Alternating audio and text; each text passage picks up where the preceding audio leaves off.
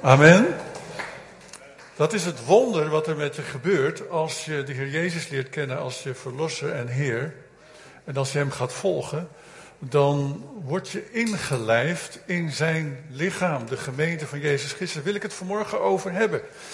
Soms dan denk ik wel eens dat wij het, het zicht op wat God, wat de Heer Jezus ook daarmee bedoeld heeft, wel een klein beetje kwijt zijn. We praten dan op onze eigen menselijke manier over de gemeente. Maar vergeet niet, het is zijn gemeente. Het is niet de gemeente van Peter, ook niet de gemeente, het wordt ook niet de gemeente van Willem. Het is de gemeente van Jezus Christus.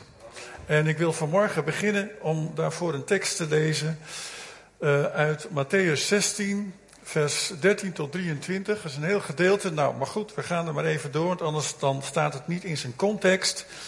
En het onderwerp hierbij is, Jezus bouwt zijn gemeente. Amen.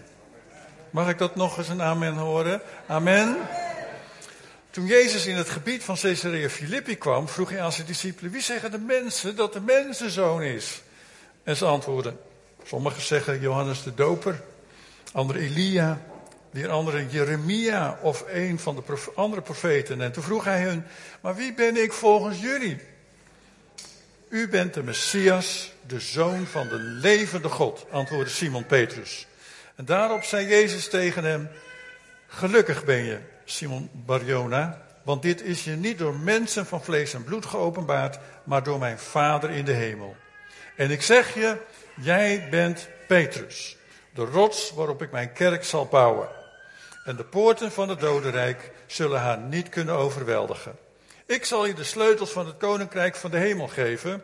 En al wat je op aarde bindend verklaart, zal ook in de hemel bindend zijn. En al wat je op aarde ontbindt, zal ook in de hemel ontbonden zijn. En daarop verbood hij de leerlingen ook maar tegen iemand te zeggen dat hij de Messias was. En vanaf die tijd begon Jezus zijn leerlingen duidelijk te maken dat hij naar Jeruzalem moest gaan en veel zou moeten lijden door toedoen van de oudsten, de hoge priesters en de schriftgeleerden. En dat hij gedood zou worden, maar op de derde dag uit de dood zou worden opgewekt. En Petrus nam hem tezijde en begon hem veld te, te, um, terecht te wijzen. God verhoede dat, Heer, dat zal u zeker niet gebeuren. Maar Jezus keerde hem de rug toe met de woorden: Ga terug achter mij, Satan. Je zou het nog van de goede weg afbrengen. Je denkt niet aan wat God wil, maar alleen wat de mensen willen. Wel, Jezus proclameert hier het ontstaan van zijn gemeente. En nooit is er iets in de wereld geweest wat zo deze wereld beïnvloed heeft als de gemeente van Jezus Christus. Wist je dat? Er is niets in deze wereld wat zo de wereld beïnvloed heeft als de kerk, de gemeente van Jezus Christus. Um, omdat het te maken heeft met verandering. Het heeft te maken met veranderde mensen. En ik ken geen instituut die zo um, invloed heeft op de mensheid en mensen kan veranderen als Jezus zelf. Hij verandert mensen. De Heilige Geest verandert ons. En hij is daar nog steeds mee bezig. Wij zijn hier een clubje van veranderde mensen. Amen. We zijn niet meer dit oude mens. We zijn nieuwe mens geworden. En hij zegt hier tegen Petrus: Jij bent Petrus, de rots waarop ik mijn kerk, waarop ik, dat is heel mooi hè. Hij zegt niet: Ik laat het aan jullie over. Nee, hij zegt: Ik laat het niet helemaal niet aan jullie over. Ik doe het zelf. Ik zal mijn kerk bouwen. Als je de impact van die woorden begrijpt en goed aanvoelt, dat Jezus zegt: Ik zal mijn kerk bouwen, dan, eh, dan, dan, dan, dan wil je eigenlijk stoppen met kerkje spelen. Dat doen wij hier niet, in deze gemeente. Wij zoeken de God, we zijn met de Heer bezig vanuit het diep van ons hart. Maar dan wil je medewerker worden in de bouw van die gemeente van de Heer Jezus Christus. Amen. Dan wil je alleen maar zeggen, gebruik mij ook, Heer, om uw kerk te bouwen. Dat is het enige waarvoor wij willen leven. Heer, gebruik mij dan ook om uw kerk mede te bouwen, te helpen opbouwen. En drie dingen zegt hij eigenlijk in dit hele gedeelte. Ten eerste zijn proclamatie van ik zal mijn gemeente bouwen, mijn kerk.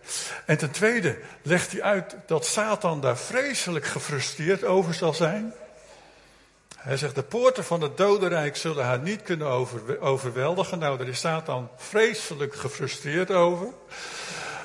Want Satan wil graag macht. Macht over mensen. Eh, proclamatie, frustratie van Satan en de bekrachtiging van de gemeente. Al wat je hier op aarde bindend verklaart, zal ook in de hemel bindend zijn.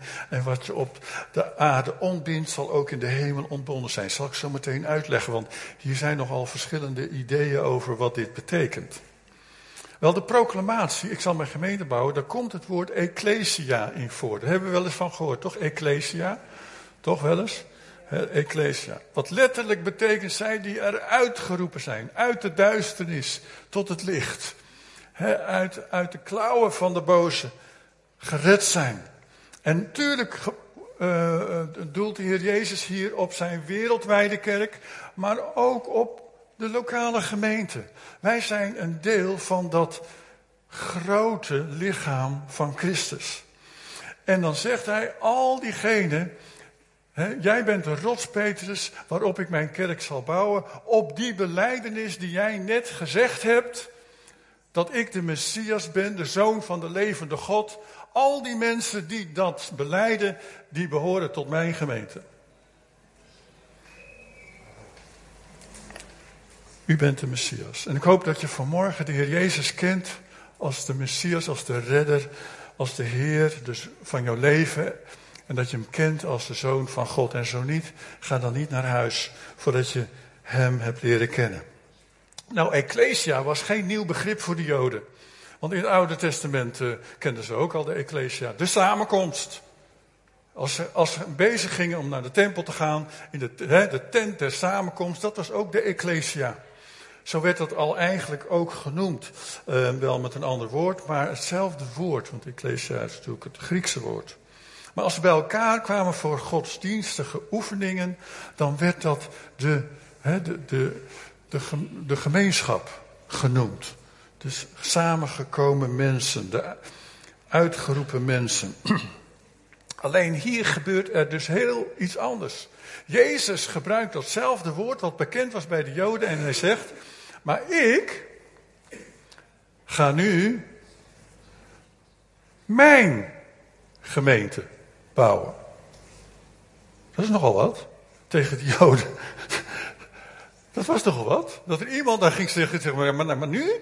Nu ga ik mijn gemeente bouwen. Ik ga nu. Dit was dus heel iets anders. Dit was iets nieuws.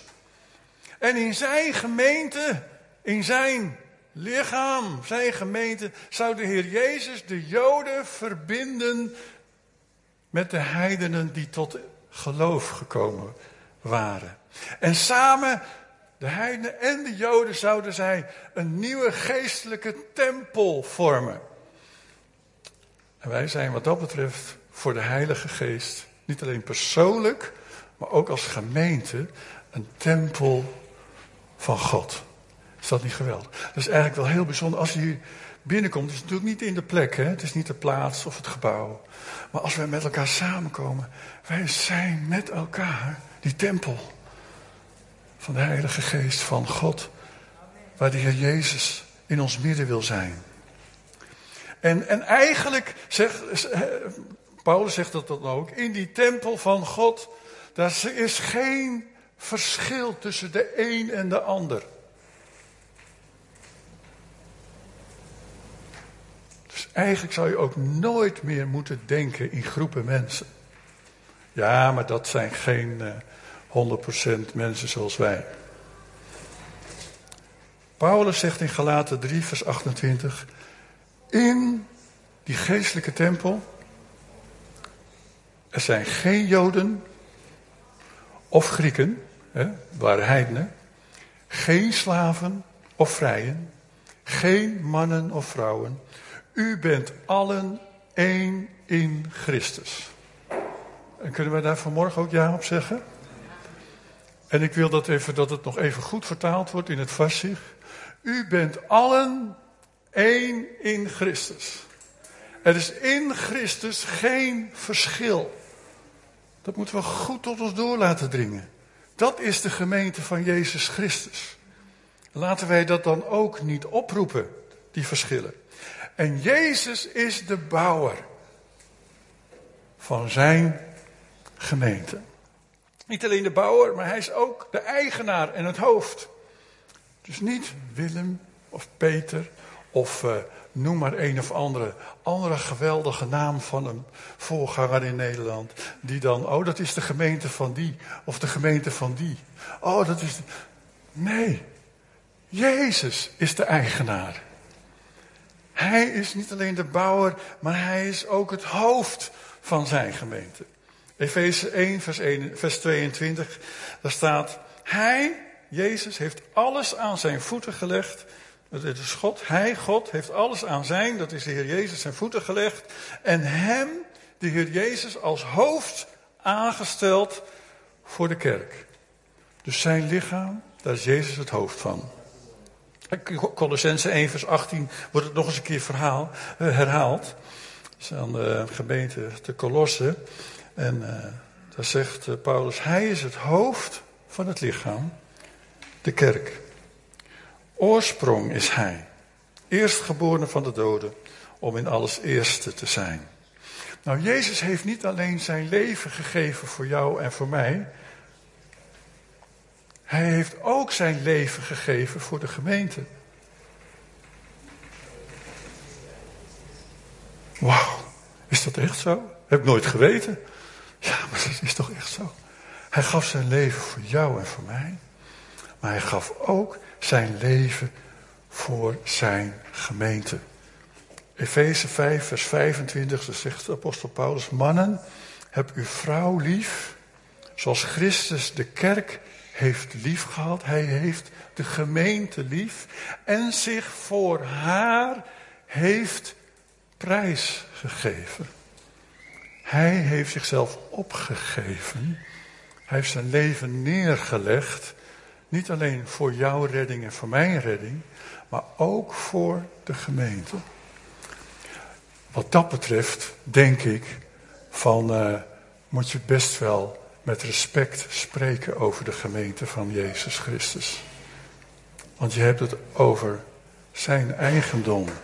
Zijn eigendom. En daarom is de gemeente ook niet een of ander clubje wat wij als mensen bedacht hebben. Een of andere democratische politieke partij. nou, ik heb wat meegemaakt hoor in gemeenten, laat me dat eh, wel even hier zeggen. Waarvan ik denk van, wat, waar, ben ik nou terechtgekomen? Echt waar. Dan denk ik van, oh heer, ik schaam me zo eigenlijk. Nou, dat was dus niet Leef Zutphen hoor, Leef daar ben ik alleen maar ontzettend blij mee.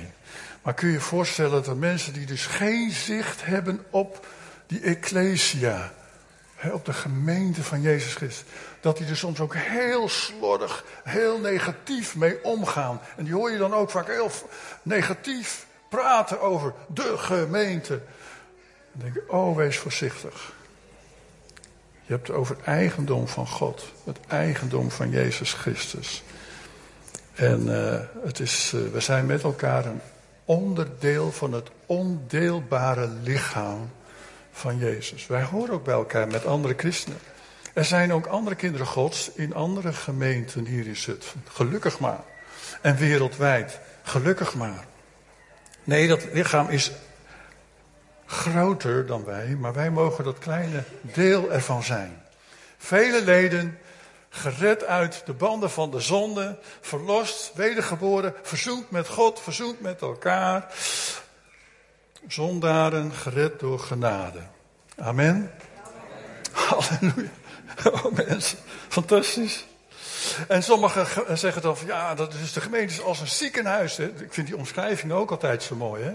Het is als een ziekenhuis om hen die gewoon ziek zijn en herstel nodig hebben, om ze op te vangen. Ja, dat is onder andere een beeld. Ik hoop dat die mensen ook tot herstel kunnen komen in de gemeente. En sommigen zeggen het is als een herberg. En dan hebben ze natuurlijk dat beeld ook van de barmhartige Samaritanen bij, die uiteindelijk in de herberg werd gebracht. Prachtig beeld, prachtige gelijkenis van Jezus. Anderen zeggen weer, gemeente is als een veilige haven, vooral op Urk. Hè? Wij waren voordat we hier kwamen, waren in de thuisgemeente op Urk. En op Urk, ja, de Urkers zijn vissers natuurlijk. Was het, ah, de gemeente is als een veilige haven. En dat is het ook. Een plek waar je veilig zou moeten zijn. Het is niet altijd veilig in deze wereld. Zeker niet. Maar de gemeente is toch een plek met elkaar waar we veiligheid hebben. Um, maar het is wel leuk. Anders zeggen we weer, de gemeente is een plek waar je gevormd wordt. Het is een soort school van de Heilige Geest waar je met elkaar in de klas zit en uh, wordt gevormd. Een leerschool. Een familie. Amen. Broers en zussen zijn we van elkaar. Het was wel leuk toen ik in Argentinië was, een aantal jaren geleden. Opwekking in Argentinië. Overigens weet je hoe die opwekking in Argentinië was ontstaan? Die was ontstaan nadat ze de Falklandoorlog hadden verloren. Dat was zo'n enorme klap voor de Argentijnen. Dat ze dat verloren. En ten tweede gingen ze failliet als land. Kun je dat nog wel herinneren voor sommigen, die, de ouderen? Het hele land ging failliet. Maar het bracht de Argentijnen op de knieën. En er brak een opwekking uit. Ik heb met uh, Maxima, ja geloof het of niet, maar ik heb Maxima het erover gehad. En zij weet wat daar gebeurd is. Ja, de opwekking in Argentinië. En uh, het bracht mensen op de knieën. Ik heb wel eens me afgevraagd van, heer, wat moet er niet in ons land gebeuren... dat Nederland weer op de knieën gaat en u gaat zoeken. En, en, en ik heb echt regelmatig, ook vanmorgen weer, dat gebeden in de, voor, in de voorbeeld stond.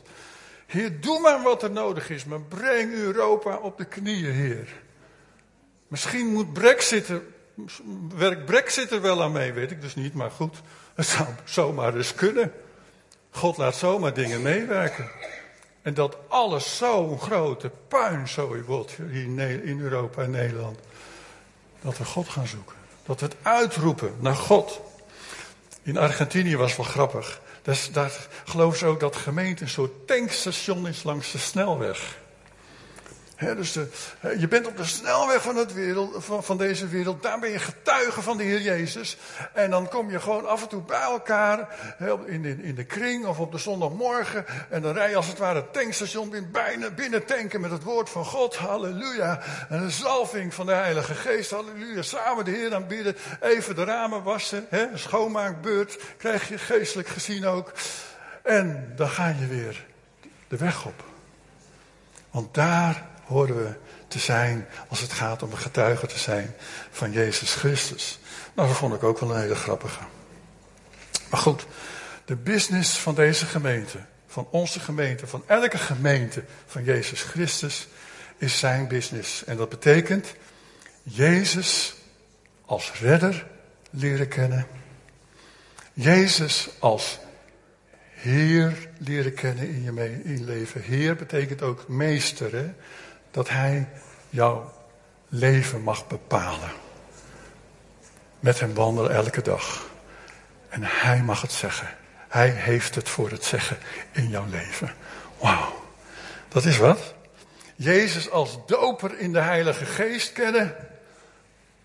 En ik hoop dat je dat ook echt beleeft, elke dag weer opnieuw. En Jezus kennen als de komende koning. Want hij komt weer, hij komt weer. En hij komt spoedig weer. Geloof ik zeker. Maar goed, je kun je je voorstellen dat Satan daar vreselijk over gefrustreerd is. Want dat zegt de Heer Jezus. Satan is daarover gefrustreerd. Want de deur staat hier wijd open voor mijn werk. Hoewel er ook veel tegenstanders zijn, zegt 1 Korinthe 16 vers 9. Hij valt Gods doel met de gemeente altijd aan. De gemeente kent strijd. Er is geen gemeente die geen strijd kent. Maar je kunt je afvragen waar dat vandaan komt. Nou, we hoeven niet zo heel ver te zoeken, want de Heer Jezus geeft hier aan dat Satan erover gefrustreerd zal zijn. Heel gefrustreerd zal zijn. en wij zijn bezig om mensen voor die voor die poorten van de hel weg te rukken, zodat de hel niet voller wordt, maar de hemel. Amen. En Satan is daar zo gefrustreerd over. Dat zegt de Heer Jezus hier. Er zullen tegenstanders zijn, apostel Paulus. En in Efeze 10, 6 vers 10 zegt apostel Paulus, en tenslotte zoek uw kracht in de Heer. Is voor ieder van ons, hè, het woord van God.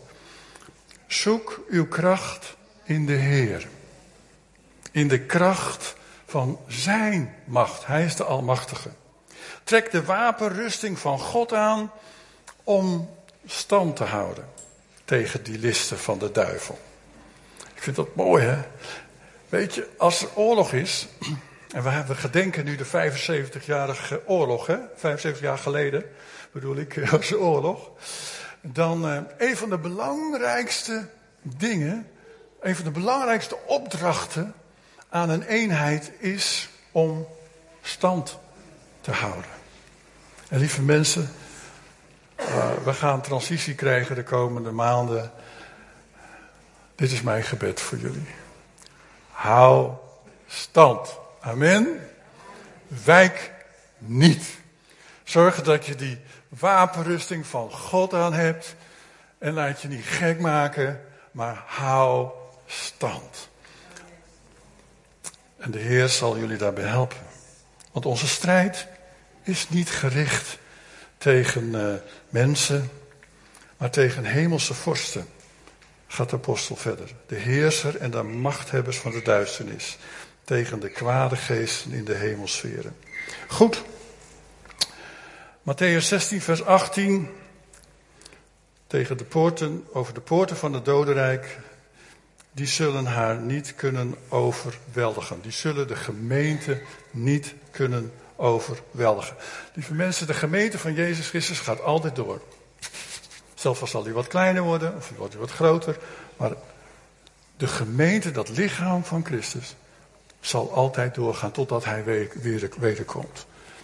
En uh, daar heb ik ook uh, eigenlijk ook nooit enige vraag over gehad in alle 50 jaar dat ik de Heer mag dienen. Ik weet, wereldwijd, maar ook lokaal en ook plaatselijk, zal de gemeente altijd doorgaan. Want ieder die hoort tot het koninkrijk van God, vormt die gemeente. Ja, en Paulus zegt erover zo mooi in Romeinen 8, vers 35 en 37. Wie zal ons scheiden van de liefde van Christus? Wie? Wie? Zelfs Satan kan dat niet eens.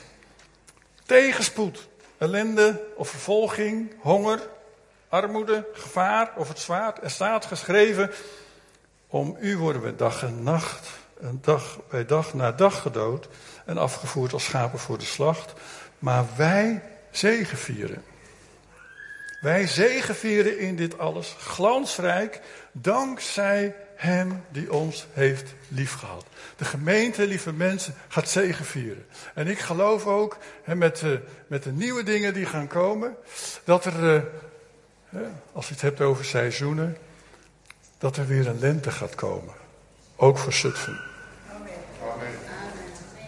Amen. En weet je, uh, jaargetijden wisselen. Uh, wij kunnen dat niet bepalen.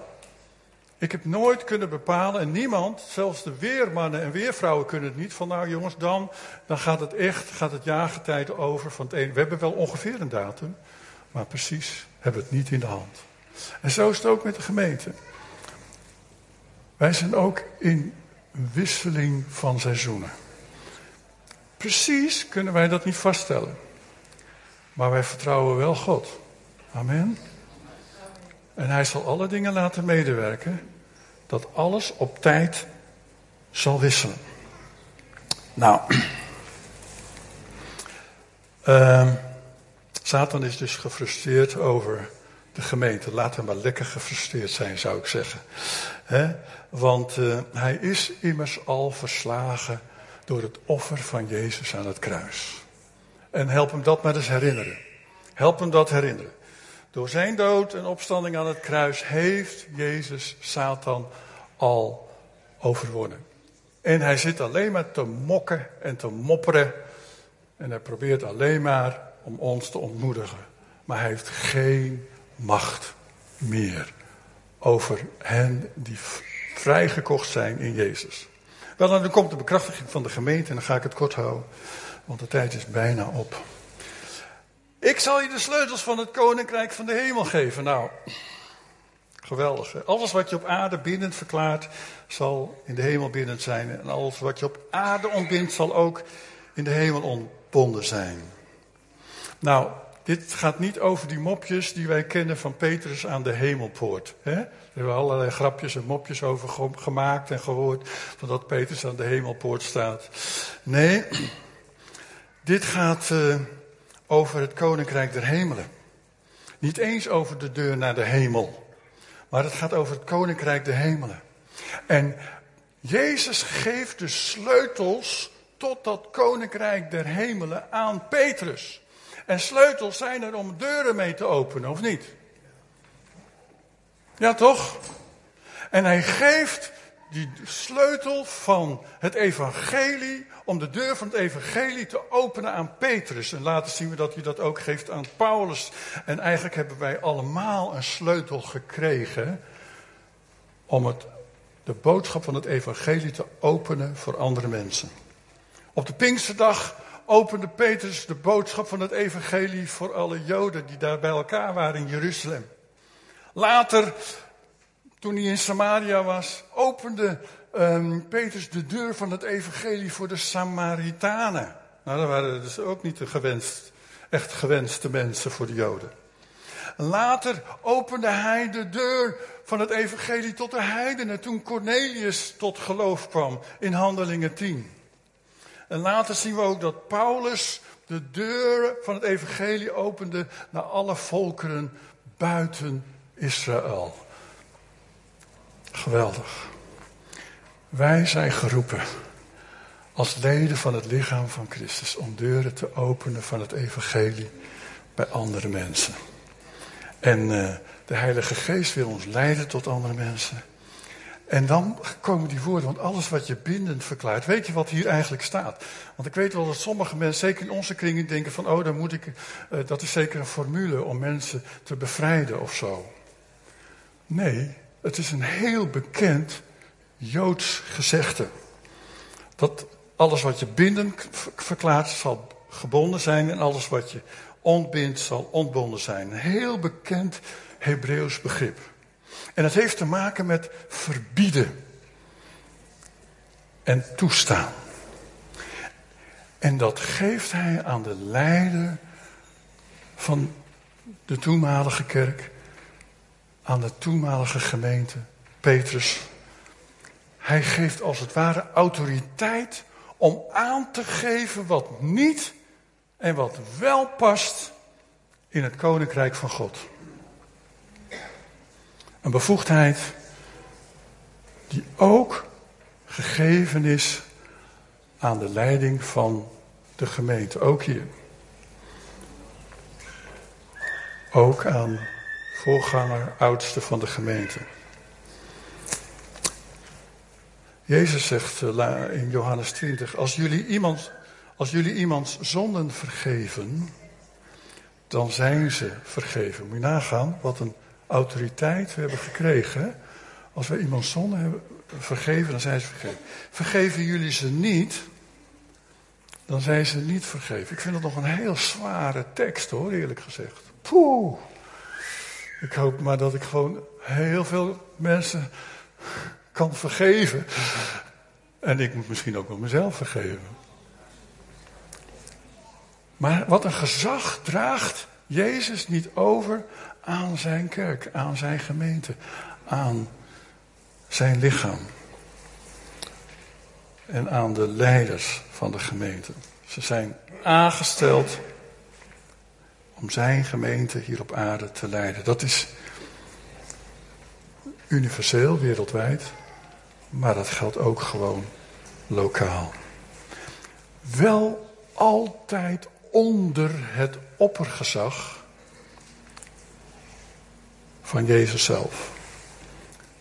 Als voorganger of oudste gezag heeft, dan heeft hij dat nooit in zichzelf. Nooit. Altijd onder het oppergezag van Jezus en het gezag van het woord van God. Amen. Oh, halleluja. Zijn we blij met de gemeente? De Ecclesia, het lichaam van Christus. En je hoort erbij. Als je Jezus kent, dan ben je daar deel van. En wil je meehelpen bouwen aan zijn gemeente? Wees actief. En dat heeft niks te maken doordat wij hier een mooi clubje willen, willen hebben in Zutphen. Dat heeft te maken met een veel groter plan. Gods plan. Voor zijn gemeente, zijn lichaam hier op aarde. Maar ook voor jouw leven. Dat jij een medewerker mag zijn. Hij wil dat jij een medewerker bent. Om zijn gemeente te helpen bouwen. Amen. En de Heer gaat jullie zegenen. Ik ben nog niet weg, Corrie en ik. We gaan uh, nog even een paar maanden meelopen. Uh, en uh, de Heer gaat jullie zegenen en de komende tijd. Ik, wij zijn nog niet uit het oog, is niet uit het hart, hè? bij ons toch. Al wonen we 100 kilometer verder. We zullen zeker ook nog wel eens een keer komen en spreken. Maar ook Corrie en ik hebben ook een taak. hè? Ik spreek nog wel hier en daar. Ehm, wij doen ook nog wel wat zendingswerk. Uh, wij hebben ook gespreksgroepen aan huis voor, of niet aan huis, maar specifiek voor mensen die, met kankerpatiënten, dus mensen die kanker hebben gehad, en hun, en hun naasten, om hun ook daarin te ondersteunen en te helpen. En hopelijk ook om hen te wijzen op, op het ene enige antwoord in het leven wat we nodig hebben, en dat is God leren kennen, Jezus. De zegen jullie allen. En laten wij, uh, laten wij uh, onze hoofden buigen. Er is zometeen tijd voor gebed. Dat weten jullie. Hierna, deze dienst, is een tijd voor gebed. Daar, als je God niet kent in je leven. Als je Jezus niet kent, dan zou ik zeggen, joh, sla geen minuut meer over. Maar ga straks daarheen naar enkele mensen die daar staan en die helpen je om Jezus te leren kennen. Als je een nood hebt in je leven waar je gebed voor nodig hebt, ga daarheen en laat ervoor bidden. Als je voelt van, Heer, wat is dan mijn plekje in, uh, in uw plan, ook voor de gemeente, en je hebt daar vragen en twijfel erover, ga daar daarheen en laat voor je bidden. Amen. Vader, dank u wel, Heer, voor dit moment. Dat we uw gemeente zijn. Dank u wel voor het woord van God. Uw woorden die u uitsprak. Heer, waar eigenlijk u een proclamatie deed over het ontstaan van wie wij zijn vandaag, uw kerk, uw gemeente. Heren, door al die duizenden jaren heen, Heer heeft uw kerk nooit alleen gelaten. En er is niets in deze wereld wat de, wat, wat de mensheid zo heeft kunnen beïnvloeden als de boodschap van het evangelie van Jezus Christus en de gemeente van de Heer Jezus Christus. Heer, we bidden ook voor Zutphen en voor de gemeenteleef. Dat uw invloed groter zal worden door een ieder van ons. Heer, dat wij allemaal gebruikt mogen worden. Heer, en doe maar wat nodig is. Om ook hier in Zutphen een opwekking te geven. In Jezus' naam. Amen. Amen. Willem vraagt of ik jullie nog een zegen wil meegeven. Dat ga ik ook doen. Vader, dank u wel dat u een zegen wil geven aan ons. En Jezus, dank u wel dat u uw liefde meegeeft aan ons om uit te delen. En Heilige Geest, dank u wel dat u uw troost en nabijheid wil geven. Elke dag ook van deze week. In Jezus' naam. Wees gezegend. Amen. En er is lekker koffie drinken zometeen. En er is tijd om Jezus, om God te ontmoeten bij het kruis. Kom.